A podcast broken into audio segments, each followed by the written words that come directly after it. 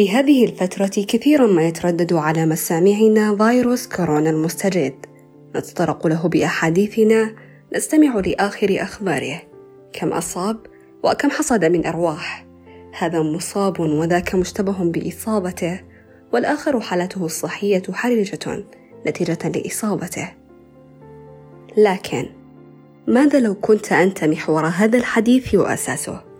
ماذا لو أن الإصابة حلت بك؟ تستبعد حدوث ذلك؟ نعم.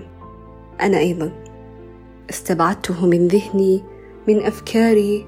أزحت الشك عني رغم الأعراض التي تشي به واستنفار العائلة باتباعهم للإجراءات الاحترازية وعزلي عنهم. كل شيء يشي بذلك. حين استرجع هذه الأحداث مشاعر غريبة تجتاحني ولكن الأهم هو ملاحظتي لسرعة هذا الأمر. ثق بي. الأمر ليس كما يبدو أو كما تظن. البداية كانت حين انتابتني نوبة مفاجئة من السعال وأتى الصداع مصاحبا لها. وتمر الساعة تلو الأخرى وما زال الألم مستمر وحالتي تزداد سوءا بازدياد الأعراض. كنت طريحة الفراش عيناي تدمع من شدة التعب. ولا أقوى على الحركة. حينها تفاجأت بارتفاع درجة حرارتي وهنا بدأت حقيقة إصابتي بالتشكل. أعتقد أن الجميع حينها تبادر لذهنه الأمر عينه لكننا لم نقو على مصارحة أنفسنا بما اتضح لنا. ولأول مرة بحت لنفسي بالحقيقة المرة التي قد تثبت أو تنجلي وبدأت بتهيئة نفسي لجميع الاحتمالات المخبأة لي بين ضيات الأيام. وكان الفضل للممرضة التي بدأت بأخذ بياناتي لتسرد لي بعدها أعراض الفيروس المشؤوم. والإيجاب كان ردي. دوائر عديدة على الورقة التي بين يدي. أحاطت بأعراضه لتشي بما ألم بي. هل أنت مخالطة لأحد مصابي فيروس كورونا المستجد؟ لأصدقكم القول. كان هذا السؤال الأصعب حين التقت عيناي بعين والدتي. التي تقف خارج المستشفى بسبب منع المرافقين من الدخول والقلق بلغ منها ما بلغ. وحينها تذكرت أن والدتي قد خلطت شخصا اشتبه بإصابته.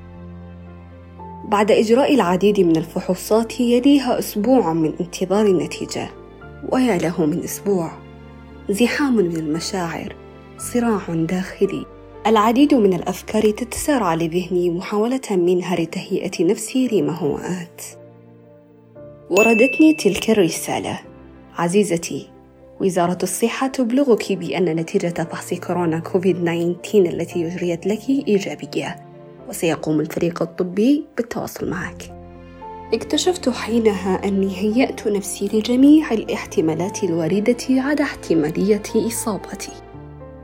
والآن كل شيء تبعثر. الفزع يتملكني. الدموع تملأ عيني. الافكار السوداء والمخاوف تنهال علي. والأهم هو أني أخشى إبلاغ عائلتي بما أصاب ابنتهم.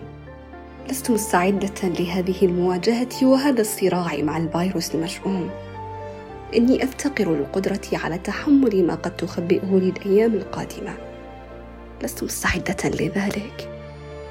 لهذا والآن بعد أن من الله علي بالشفاء وازداد عدد المتعافين واحدة يمكنني القول أن الأمر لم يكن سهلا. ولكن لا يمكنني أن أتخطى هذه الذكرى دون أن أنسب الفضل لها باستشعار النعم المحيطة بي والمخبأة بأبسط الأمور وأثرها فإن مع أنت النظر بروتينك اليومي الذي اعتدت التذمر بشأنه ستكتشف عظيم النعم المخبأة بتفاصيله وبين طياته. فهنيئا لك.